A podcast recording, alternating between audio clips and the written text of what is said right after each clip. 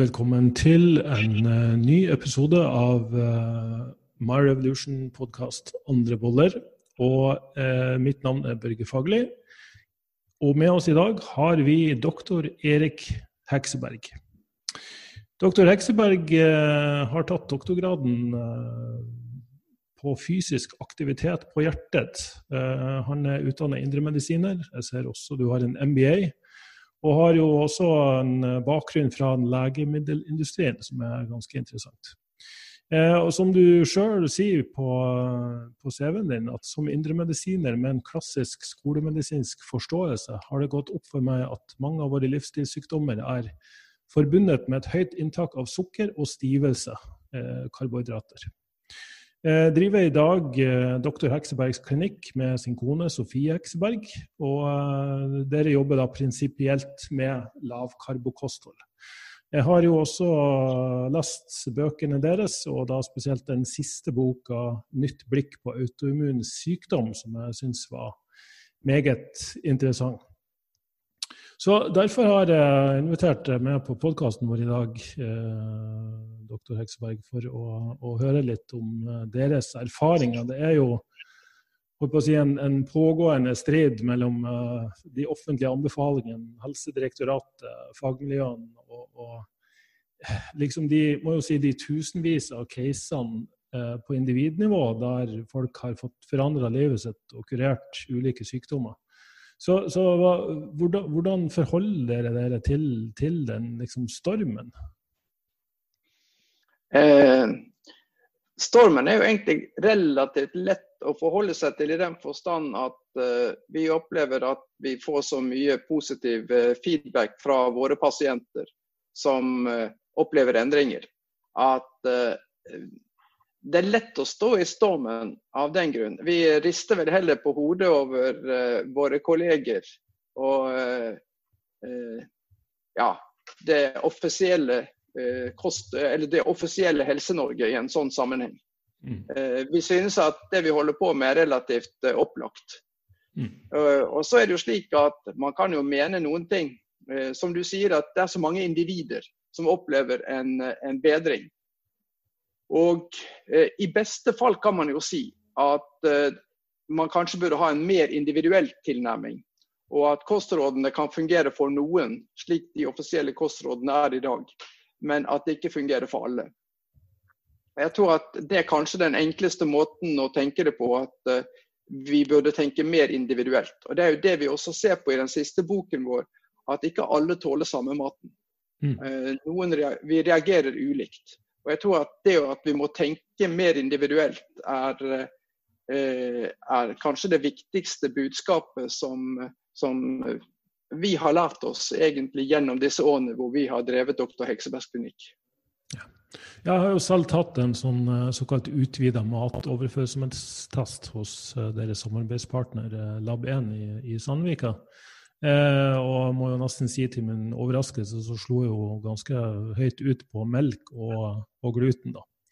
Og da, Sånn som jeg forstår boka deres, så er det et, en, et gjentagende tema hos folk som har ulike plager. Ja, helt klart. Det er, de, eh, det er vel kanskje de to. Og eh, jeg vil også trekke frem egg som eh, et problem hos en del. Det, det, det, det er det som er gjengangerne. Mm. Og det er, og, men vi er forskjellige. Og det er det som gjør at uh, den maten som én tåler å spise, tåler ikke nødvendigvis uh, naboen. Mm. Ja, jeg har jo, jeg har jo tidligere jobba med paleomedisiner i Ungarn, som har en veldig lik tilnærming som dere. Det er jo et veldig animalsk basert kosthold. Lavkarbo, høy fett. Eh, moderat protein, og de er også nøye på at man skal ekskludere vegetabilske oljer, melkeprodukter og for veldig mange da også egg. Og spesielt av gluten, selvfølgelig. Mm. Um, så, så, det er jo også, jeg syns det er interessant å se at um, dere på to forskjellige steder av verden liksom har kommet fram til det samme. Så vidt jeg vet, så kjenner ikke dere til hverandre heller. Så, så dere har bare kommet fram til samme konklusjon, da. Det er klart at, ehm, og det er også slik at vi leser, vi leser nok mye av samme litteratur.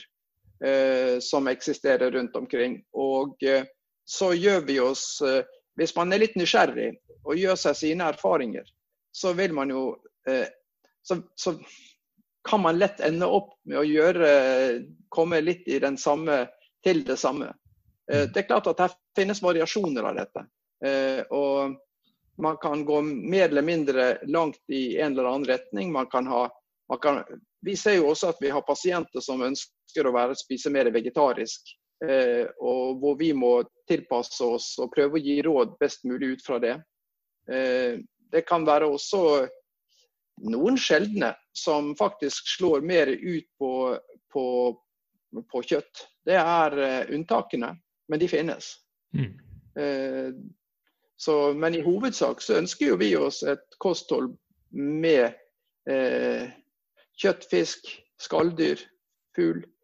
Eh, godt med fett. Eh, moderat med grønnsaker, men absolutt grønnsaker. Eh, fordi det også er en veldig mye lettere å få inn nok fett i kostholdet med samtidig bruk av grønnsaker. Mm. Så eh, det er vel litt av hovedpoenget i et kosthold som vi tenker oss. Og så må man tilpasse det ut fra hvilke matproteiner man tåler. Mm. Men hva, for sånn som jeg tolker deg i boka og igjen da, tidligere samarbeidet med, med de ungarn, så, så, så, spores jo det her tilbake til en eh, permabilitet eller lekkasje om du vil, i tarmcelleveggen. Hvordan, hvordan er mekanismen der? Hva er liksom årsaken til at det her eh, oppstår, eh, tror dere? Eh, vi tenker at det er flere ting som kan gjøre at vi får et, en mer lekk tarm. For det første så kan det godt være at det er matproteiner man ikke tåler. Vi vet f.eks. at gluten kan hos noen indusere at det skilles ut et stoff som heter sonulin, som åpner mellomrommet mellom cellene i tarmslimhinnen. Eh, det er ikke sikkert at det er eneste mekanisme. Eh, og det er heller ikke sikkert at det er bare, son, eh, bare gluten som kan, få, som kan, indusere denne effekten på sonulin. Vi tenker at det kan f.eks. også være andre matproteiner som er med på hos noen og virker mer irriterende på tarmslimhinnen eh, enn andre proteiner. Og at vi er forskjellige i så måte. Dessuten så kan det selvfølgelig være en, eh, altså en ubalanse i bakterier i tynntarm som kan være med på å gjøre at du får en skadet tynntarm eh, som gjør en mer sårbar. Eh, et siste punkt er vel også at uh, ulike toksiner kan altså uh, For den saks skyld alkohol kan gjøre uh, tarmen mer permeabel.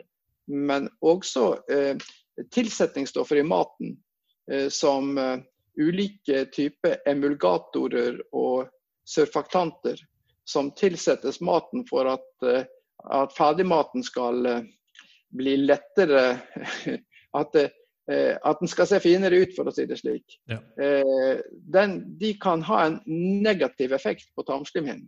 Mm. Eh, slik at man får egentlig en irritert tarmslimhinne, en tarmslimhinne som slipper igjennom større molekyler enn det den normalt sett skulle. Så her er nok flere faktorer inne. og eh, I en sånn situasjon så må man jo da ta vekk hvert fall de matvanene som slipper igjennom. Eh, og Det måler jo vi gjennom en urinprøve, men dessverre så er det bare to eh, matmolekyler vi der ser. Og det er gluten og melkeprotein. Men det er samtidig de som vi nok tror er de som lager mest trøbbel. Mm. Og Hvordan er eh, sammenhengen her mellom eh, karbohydrater og fett? For dere er jo eh, liksom dere anbefaler jo for de fleste en reduksjon i karbohydratinntak og en økning i fettinntak i forhold til hva som folk flest kanskje er vant til. Har dere bare sett bedre utfall av det her, eller er det noe annet her mekanismer involvert som gjør at det er den beste tilnærmingen? Ja, vi, da, da, kan vi eh, vi kan gå bort fra betennelsesdelen her nå, og så kan vi tenke mer i type overvekt, eh, fedme, diabetes. Eh, I den sammenhengen så vet man jo at inntar man karbohydrater, så vil det føre til at det blir en økning i blodsukkeret. Altså karbohydrater eh, er stivelse sukker. ikke sant? Og det vil da gi en økning av insulin.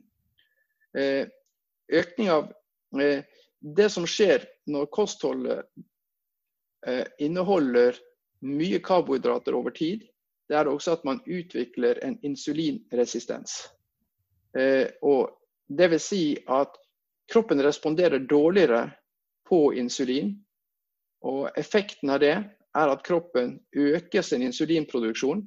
Og bivirkningene av det er at man eh, stimulerer fettlagring.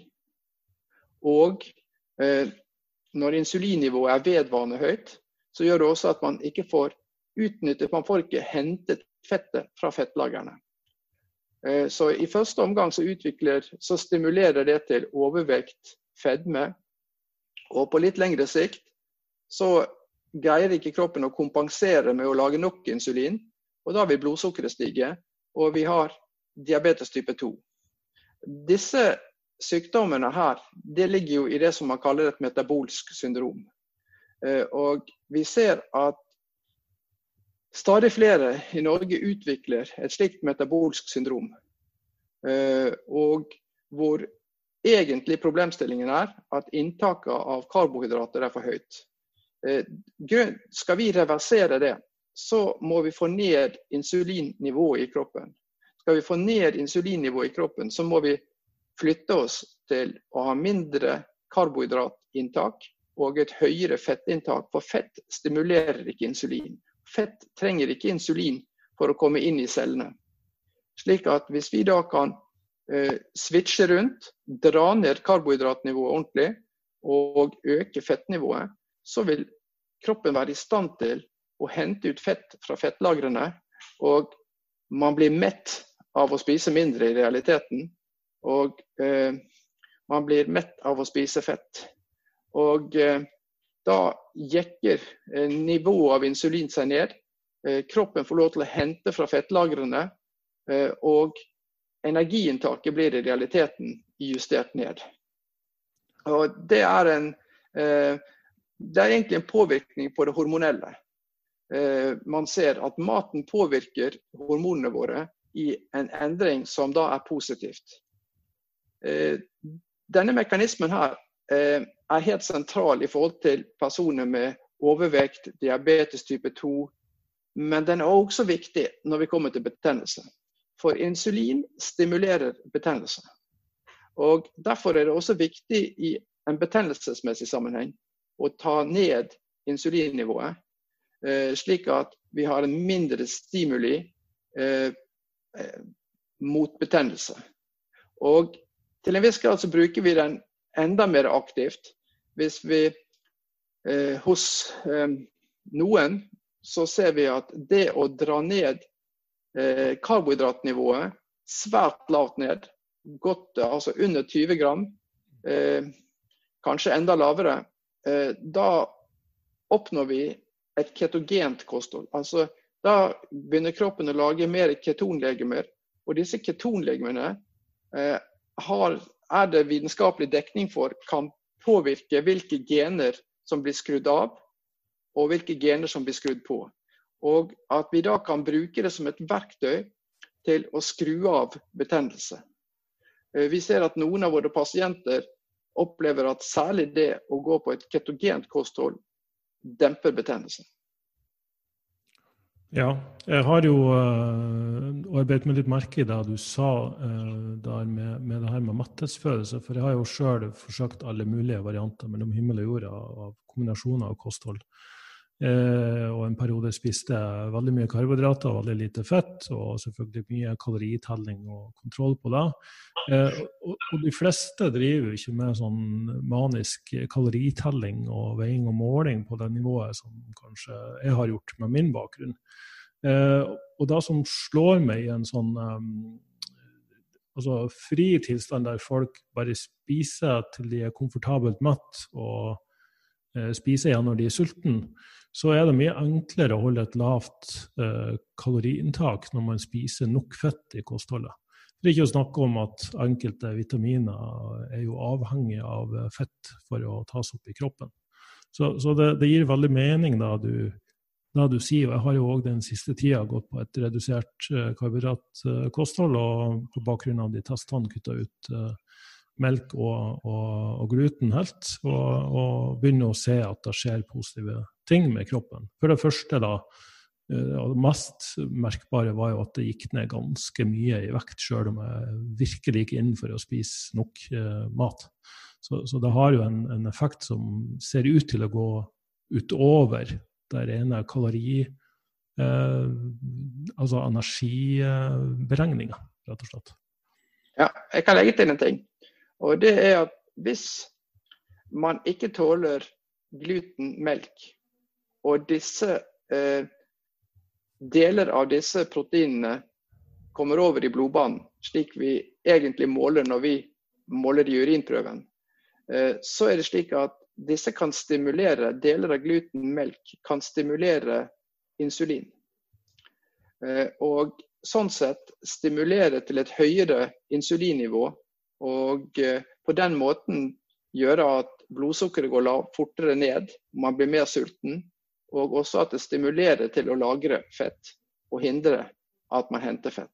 Så matintoleranse ser vi noen ganger står i veien for, for vektreduksjon. Og det er noen ganger hvor vi har gitt eh, råd om eh, å legge om til et mer lavkarbokosthold uten at vi får eh, de gevinstene vi ville forvente. Og noen ganger så er det matintoleranser som står i veien. Mm. Ja, Det har jo vært litt skepsis rundt eh, IGG, og at det kan være en markør for at du spiser den matvaren, ikke nødvendigvis for en immunologisk reaksjon. Men den UMA tar jo også høyde for IGA-reaksjoner, og, og, også sonulin, som du nevnte. Så den virker mye mer komplett uh, i forhold til hva jeg har vært borti tidligere. Men det er klart, snakker du med en lege, så mener de oftest at nei, det er en ren IGE, altså en allergisk uh, altså akuttreaksjon som, som, kan påvise en, en uh, reaksjon man, man, Det her ser jo ikke ut til å være riktig, ut fra hvordan jeg, jeg tolker både de prøvene og den effekten jeg har hatt sjøl, og, og, hva dere skriver i boka. Det er klart at der har eh, Grunnen til at dette ikke er dekket av det offentlige, eh, ligger jo i at det offentlige helsevesen har vedtatt at eh, det er en usikker prøve. Mm. Eh, vi når vi, vi har, I det siste, siste årene så har vi kombinert eh, den matintoleransetesten, som er en antistofftest, med en urinprøve som, da, eh, som er helt annerledes. Altså, eh, Antistofftesten er i blod. Den ser om kroppen lager antistoff mot ulike matproteiner. Logikken er at eh, matproteinene må egentlig ha vært i kontakt med blod eh, eh kan si, innenfor Ikke bare være i, i, i, i tarmsystemet, men rett og slett ha kommet i kontakt med kroppen på en måte som gjør at kroppen lager antistoffer. Mm. Eh, men så har vi da den helt andre prøven, altså urinprøven, som ser etter om deler av gluten eller deler av melkeprotein altså de fysiske delene, en kjede av aminosyrer, har lekket gjennom tarmslimhinnen uten å bli fordøyet slik det skal. Og de to prøvene er, eh, er fullstendig uavhengige av hverandre. Teknisk sett eh, undersøker to vidt forskjellige ting.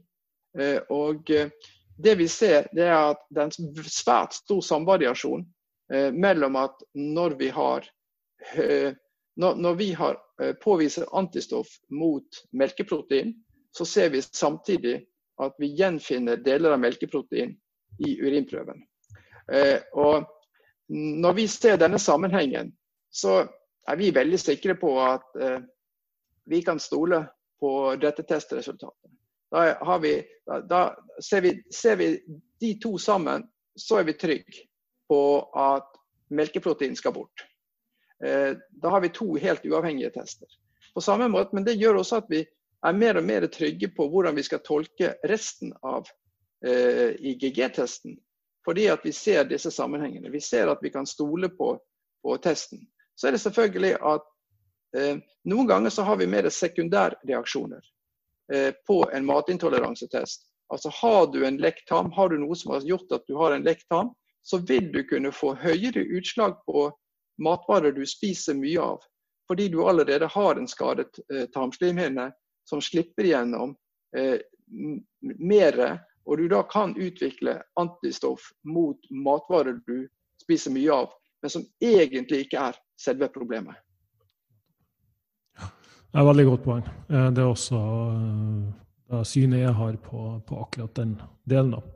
Uh, nå er det jo selvfølgelig sånn at De som oppsøker dere, allerede har et problem og, og er overvektige eller har autoimmun sykdom, eller sykdom generelt som de kanskje ikke hadde trodd hadde noen sammenheng med kostholdet sitt. Men hvordan vil dere si um, fordelinga på melkeintoleranse og glutenintoleranse? Hvor, hvor ofte forekommer det her? Eh, hos våre pasienter så har vi det Så vil jeg si at en av delene Når vi tar disse testene, så tar vi jo de ikke ut i løse luften. Vi tar jo disse testene ut fra at vi har en mistanke. Mm. Eh, pasientene som kommer til oss, har jo også vært utredet på kryss og tvers i det offentlige helsevesen. Eh, så de kommer jo ikke til oss som første alternativ. Eh, så vi har en selektert gruppe. Eh, men jeg vil nok si at eh, i de aller fleste tilfellene hvor vi tester, så har vi positive tester. Jeg vil si at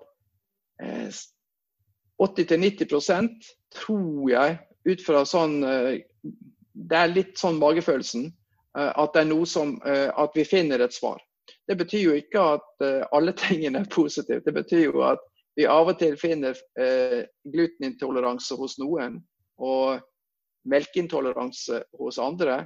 Noen har begge deler, og noen har også intoleranse for egg uh, osv. Vi er forskjellige. Og så til spørsmålet hva vi ser mest av. Glutenintoleranse eller melkeintoleranse.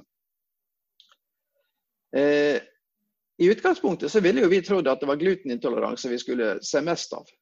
Men realiteten i dag er at eh, vi faktisk har en liten overvekt. Eh, på et materiale vi sitter med på ganske mange hundrede, så ser vi at tendensen er i større grad eh, faktisk at det er melkeprotein som eh, seiler opp. Det er mulig at folk har allerede gjort noe på gluten, fordi gluten er mer åpenbart. Mm. Uh, og så er det mange som tror at de løser problemet med, med melk ved å uh, spise laktosefritt. Uh, men laktose At det er laktosefritt, betyr jo bare at man har fjernet melkesukkeret laktose. det betyr ikke engang at det er mindre sukker i det, fordi at man kan ha dyttet inn annet sukker.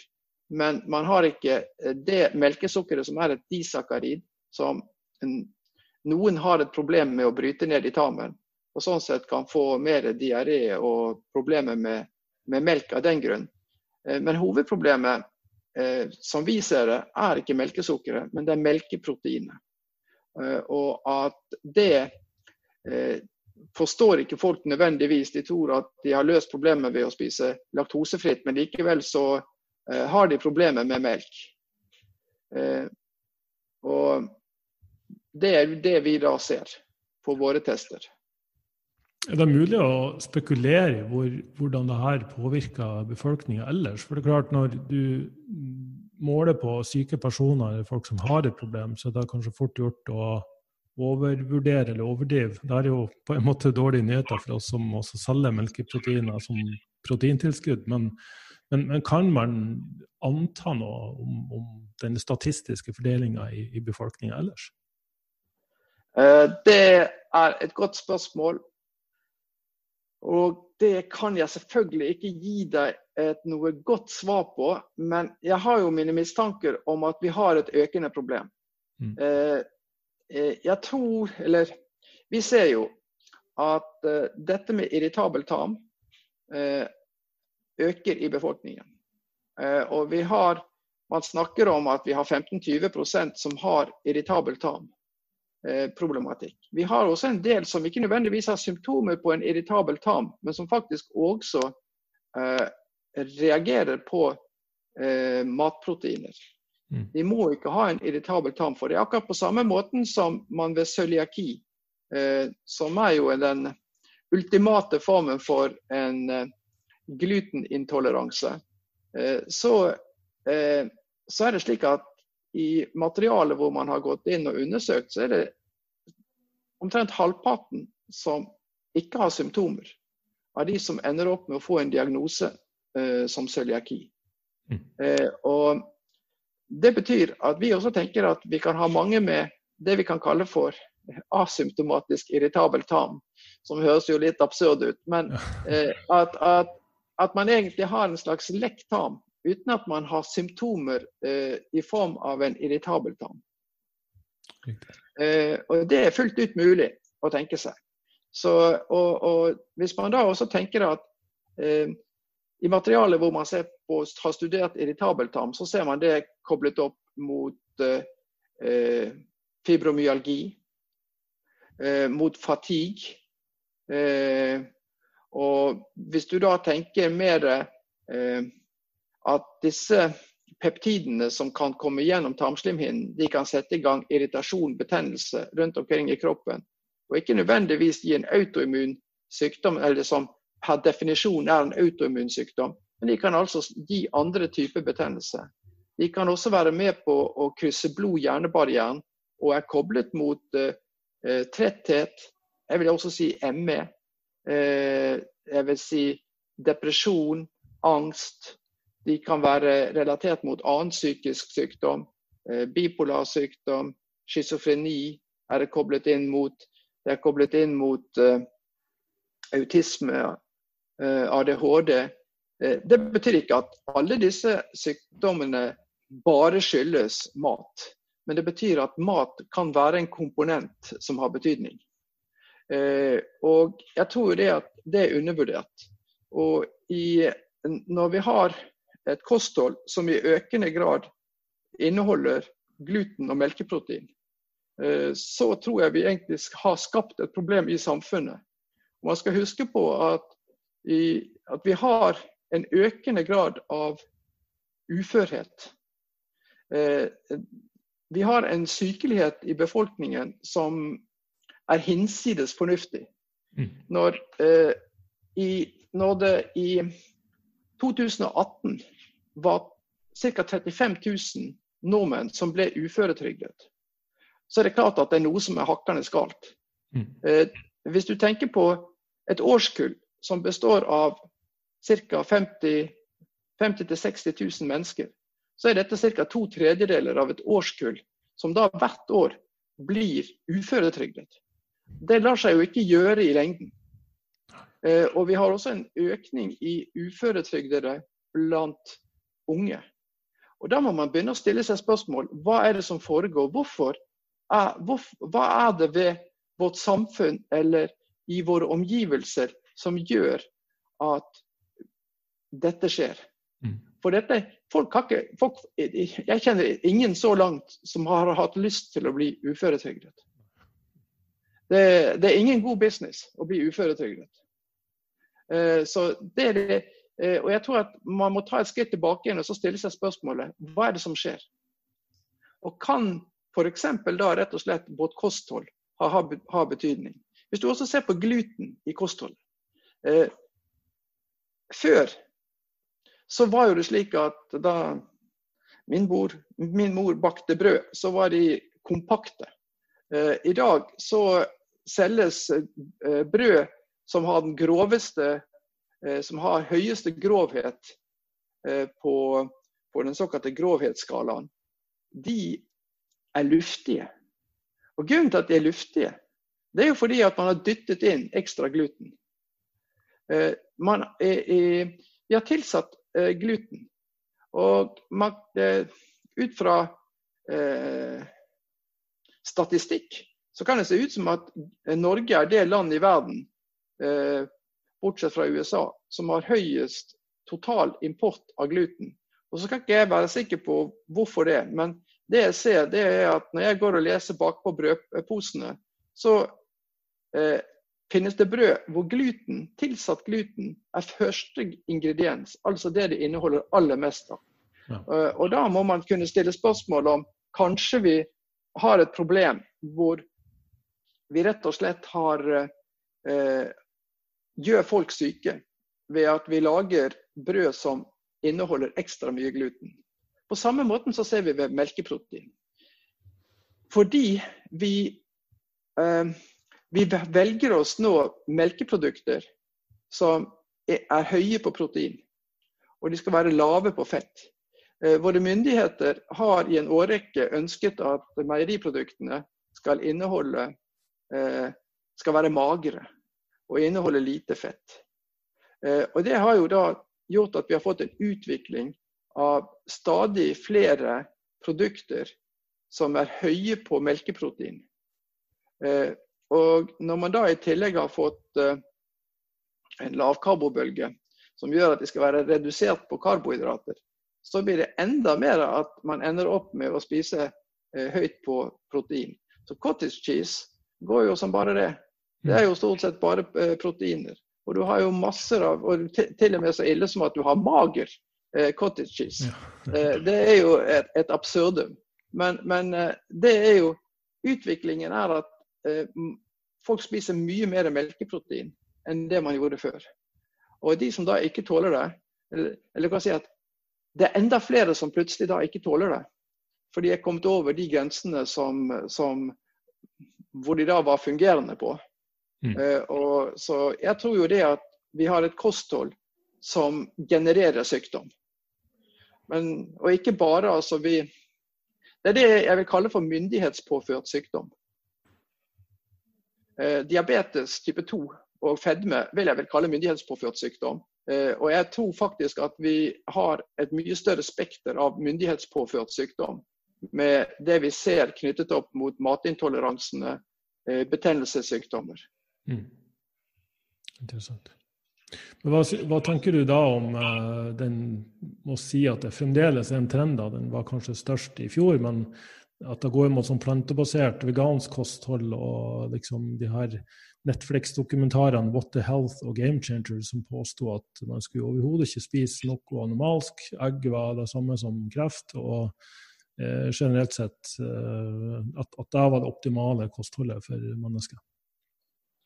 Eh, det beste med det er jo at man unngår eh, melkeproteinet. Eh, så kan si at det finnes Jeg vil jo tro at det er noen som opplever å ha en, en positiv utvikling på et mer vegansk kosthold hvis de unngår de proteinene som de faktisk ikke tåler. Altså, så, så, det er helt åpenbart at det er noen som da vil profitere på det. Men eh, jeg tror jo ikke at eh, det er noe som alle skal ha. Definitivt ikke. Eh, risikoen ved et mer vegansk kosthold er jo at man for det første eh, har problemer på vitaminer og mineraler med både B12, i særdeleshet jod, eh, hvor man risikerer å komme for lavt. Så mm, eh, her er og Det er jo også noe som vi gjør ganske systematisk. at Når vi har pasienter som eh, hvor vi tar vekk melkeprotein og, eh, og, også eventuelt egg, så sier vi at de må ta en multivitamin i det minste med jod. Altså, eh, maten vår inneholder ikke nødvendigvis alt det vi ønsker oss av mineraler og vitaminer.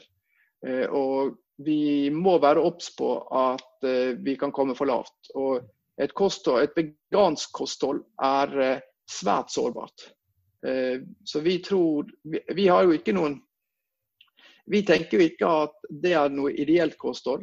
Eh, veldig ofte på et vegansk kosthold vil du ende opp med å spise eh, for mye av, av karbohydrater. Og du vil ende opp med veldig fort å spise mer av det som kalles lektiner. Som, hvor gluten er et lektin, men du har andre typer lektiner i i bønner, linser osv. som kan være sårbare for tarmen. så her er det det, er nok ikke vårt favorittkosthold, men så kan ikke jeg si det at det ikke kan være greit for noen. Eh, for det første så må vi gjøre oss våre valg. Men man, å, gjøre, å, si at eh, man skal spise vegetarisk eller vegansk, mener jeg, eh, av, på bakgrunn av eh, at det er godt for helsen, det er ikke jeg med på. Eh, som en hovedregel. Da, hvis man vil det fordi at man eh, tenker det at man skal redde verden ved å spise på den måten, og tror at det er det som skal til for å redde verden, så greit nok for meg.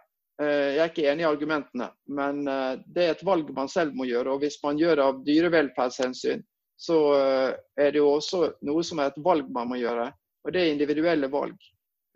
Og vi har pasienter som kommer og har tatt slike valg, og vi må hjelpe dem så godt vi kan fra det punktet. Og det er, eh, og det er greit nok. Vi, vi, må forholde oss til det. Det er ikke jeg som bestemmer hva folk skal spise. Eh, jeg kan gi råd. Mm.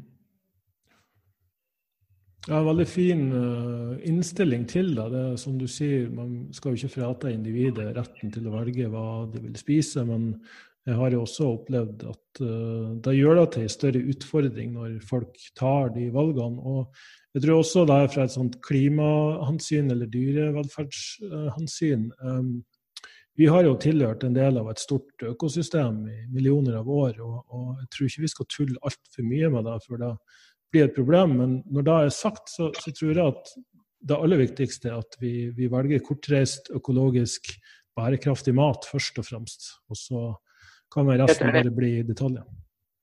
Ja, jeg er helt enig i prinsippene. og det er klart at uh, Eh, vi, vi er nok eh, tilpasset eh, et gitt kosthold fra langt tilbake. Men så er det nok noen, det er nok noen endringer altså, det er nok, Vi er nok forskjellige. Og vi kan også være at den såkalte epigenetikken spiller oss noen puss. Som gjør at noen i dag ikke nødvendigvis tåler det samme maten som eh, sine forfedre gjorde. Eh, vi, har, vi, har, rett og slett skrudd på noen andre gener. Og foreldrene våre kan ha hjulpet oss med å skru på noen gener i tillegg. Ja. Så her eh, Vi må kanskje tilpasse oss kanskje noe som hadde gått ganske greit eh, hvis ikke vi hadde klusset det også ordentlig til. Eh, eh, at vi hadde ikke noen ganger må gå så ekstremt til verks som å ta det bort og, og, gå så hardt ned på karbohydratene. Har, vi hadde kanskje ikke måttet det eh, hvis vi hadde kommet inn tidligere og ikke skulle inn i en reparasjon. Eh, der hvor, vi, hvor, mange har havnet nå, så må vi gå til mye hardere tiltak enn de tiltakene man hadde nødvendigvis kanskje hatt hvis man ikke var blitt syk hvis man ikke hadde skrudd tingene så hakkende gærent eh, på genene sine, eh, for å si det slik. Eh, så hvis vi skal da si at eh, et lavkarbokosthold er gunstig for svært mange, eh, men, men, hvis vi antar at en person er sånn relativt sunn og frisk, og, og, i tillegg aktiv og trener, hvordan kan vi da tilpasse et slikt kosthold til en, til en sånn person? Ja, et, sånn, et kosthold der til en person, det vil jo for det første så er det jo spørsmål om hvilke matvarer man tåler ikke tåler. Hvis du sier bare generelt at man ikke har noen intoleranser osv., så, videre, så vil jeg sagt at hvis du drar det ned til at du ligger eh, på eh, altså 100-100 gram karbohydrat, så kan det godt være aldeles utmerket for, for mange. Og noen kan, eh, som trener høyintenst eller som, som trener mye, må gjerne eh, ligge høyere på karbohydratene men da kommer det jo på mengde energi. Ikke sant? Altså, man ser jo, eh, man ser jo eh, idrettsutøvere som har gått over på et lavkarbokosthold, som eh, eh, den svenske skiskytteren eh, som tok olympisk gull her for en del år siden. Ja, har vel skrevet det i en, en bok. Nå kommer jeg ikke akkurat på navnet i farten, men eh, uansett.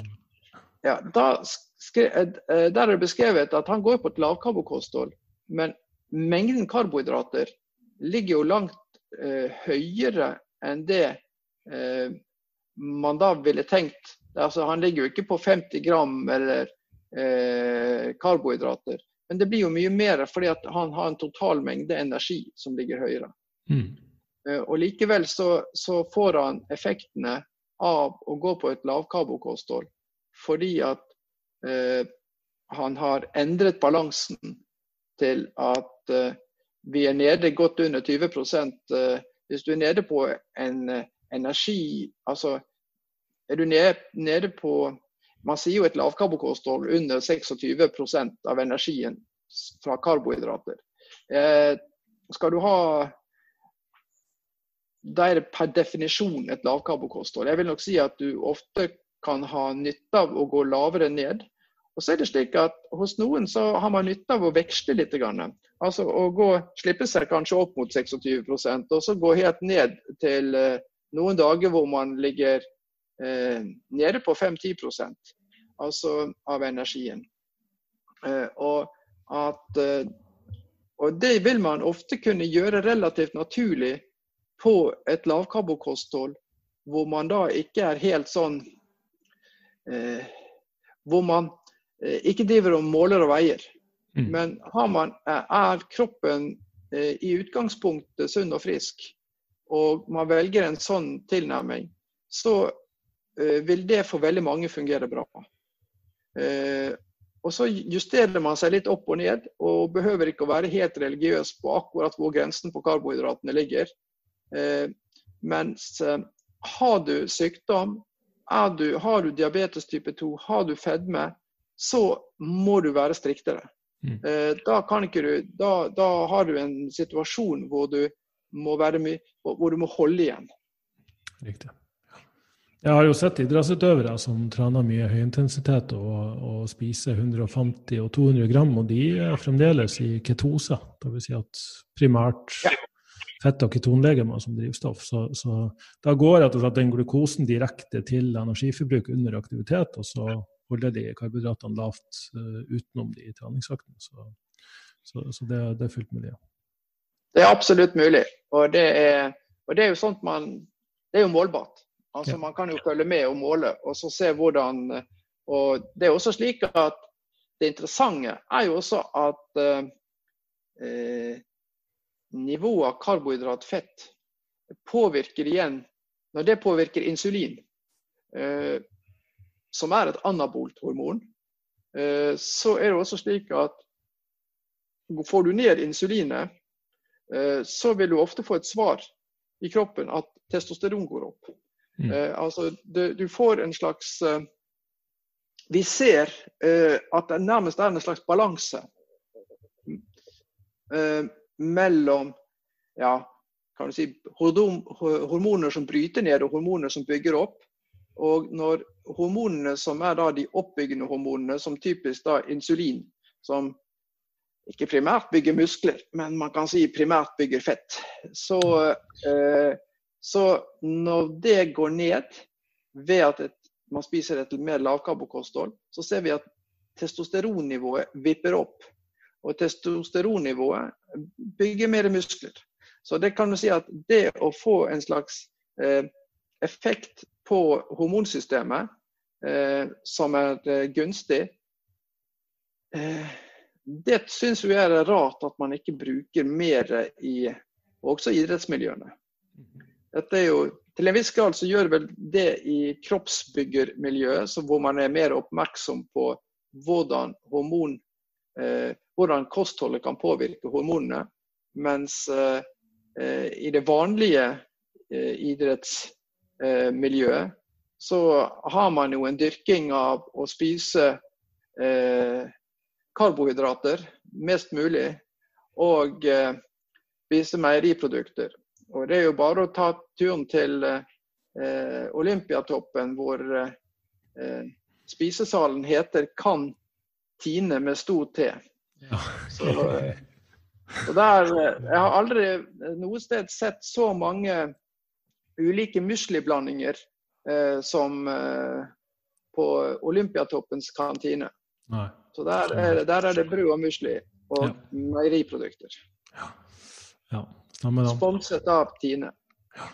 Ja, og da Du nevnte i sted om, om livsstil og, og, miljø, at det kan jo være at en idrettsutøver kan slippe unna med mange ting når de er på høyden av sin karriere og trener såpass aktivt, uh, men at man får litt senvirkning over tid. Da, da, finnes det jo masse eksempler på at det, det, på et eller annet tidspunkt når kroppen blir eldre og eh, kanskje litt mer sliten, så, så tåles ikke de her tingene like bra, og da, da oppstår vel de tilstandene som eh, folk må kontakte dere for? Det er også riktig. Eh, og jeg tror også at en del idrettsutøvere eh, har jo disse problemene allerede som idrettsutøvere. La oss si det sånn at vi har vel også signaler om at en del svært aktive idrettsutøvere har intoleranser og er blitt mye bedre ved å fjerne type mat. Men det er klart at å si at man fjerner brødmat og meieriprodukter er kanskje ikke noe som helst skal kommuniseres når eh, man hører eh, innunder Olympiatoppen. Nei, sant nok. Nei, jeg har sjøl jobba med mange idrettsutøvere, og faktisk en del nå den siste tida der vi har sett på mat- og og, det gir de utslagene som du nevner her. Så det, det er helt klart en sammenheng. Det, det, er folk som da har prestert veldig bra i mange år, men som plutselig ikke klarer å prestere. og, og bare føler at kroppen ikke fungerer som den skal. Og Da, da er det maten vi, vi går på. Også. Mm, absolutt. Nei, men uh, Tusen takk, uh, doktor Hekseberg. Dette var en veldig interessant uh, samtale. hvor kan folk få tak i, deg hvis de vil ha hjelp og mer informasjon? De kan ta kontakt med timebestilling at drhekseberg.no, eller gå inn på våre hjemmesider eh, drhekseberg.no. Så vil de jo også bli, finne ut hvor hen de skal ta kontakt. Ja. Vi skal også gi en link i, i episodeguiden. Da sier jeg tusen takk og, for at du ville være med på, på vår podkast. Og ønsker deg en fortsatt, fortsatt fin dag videre. Takk i like måte.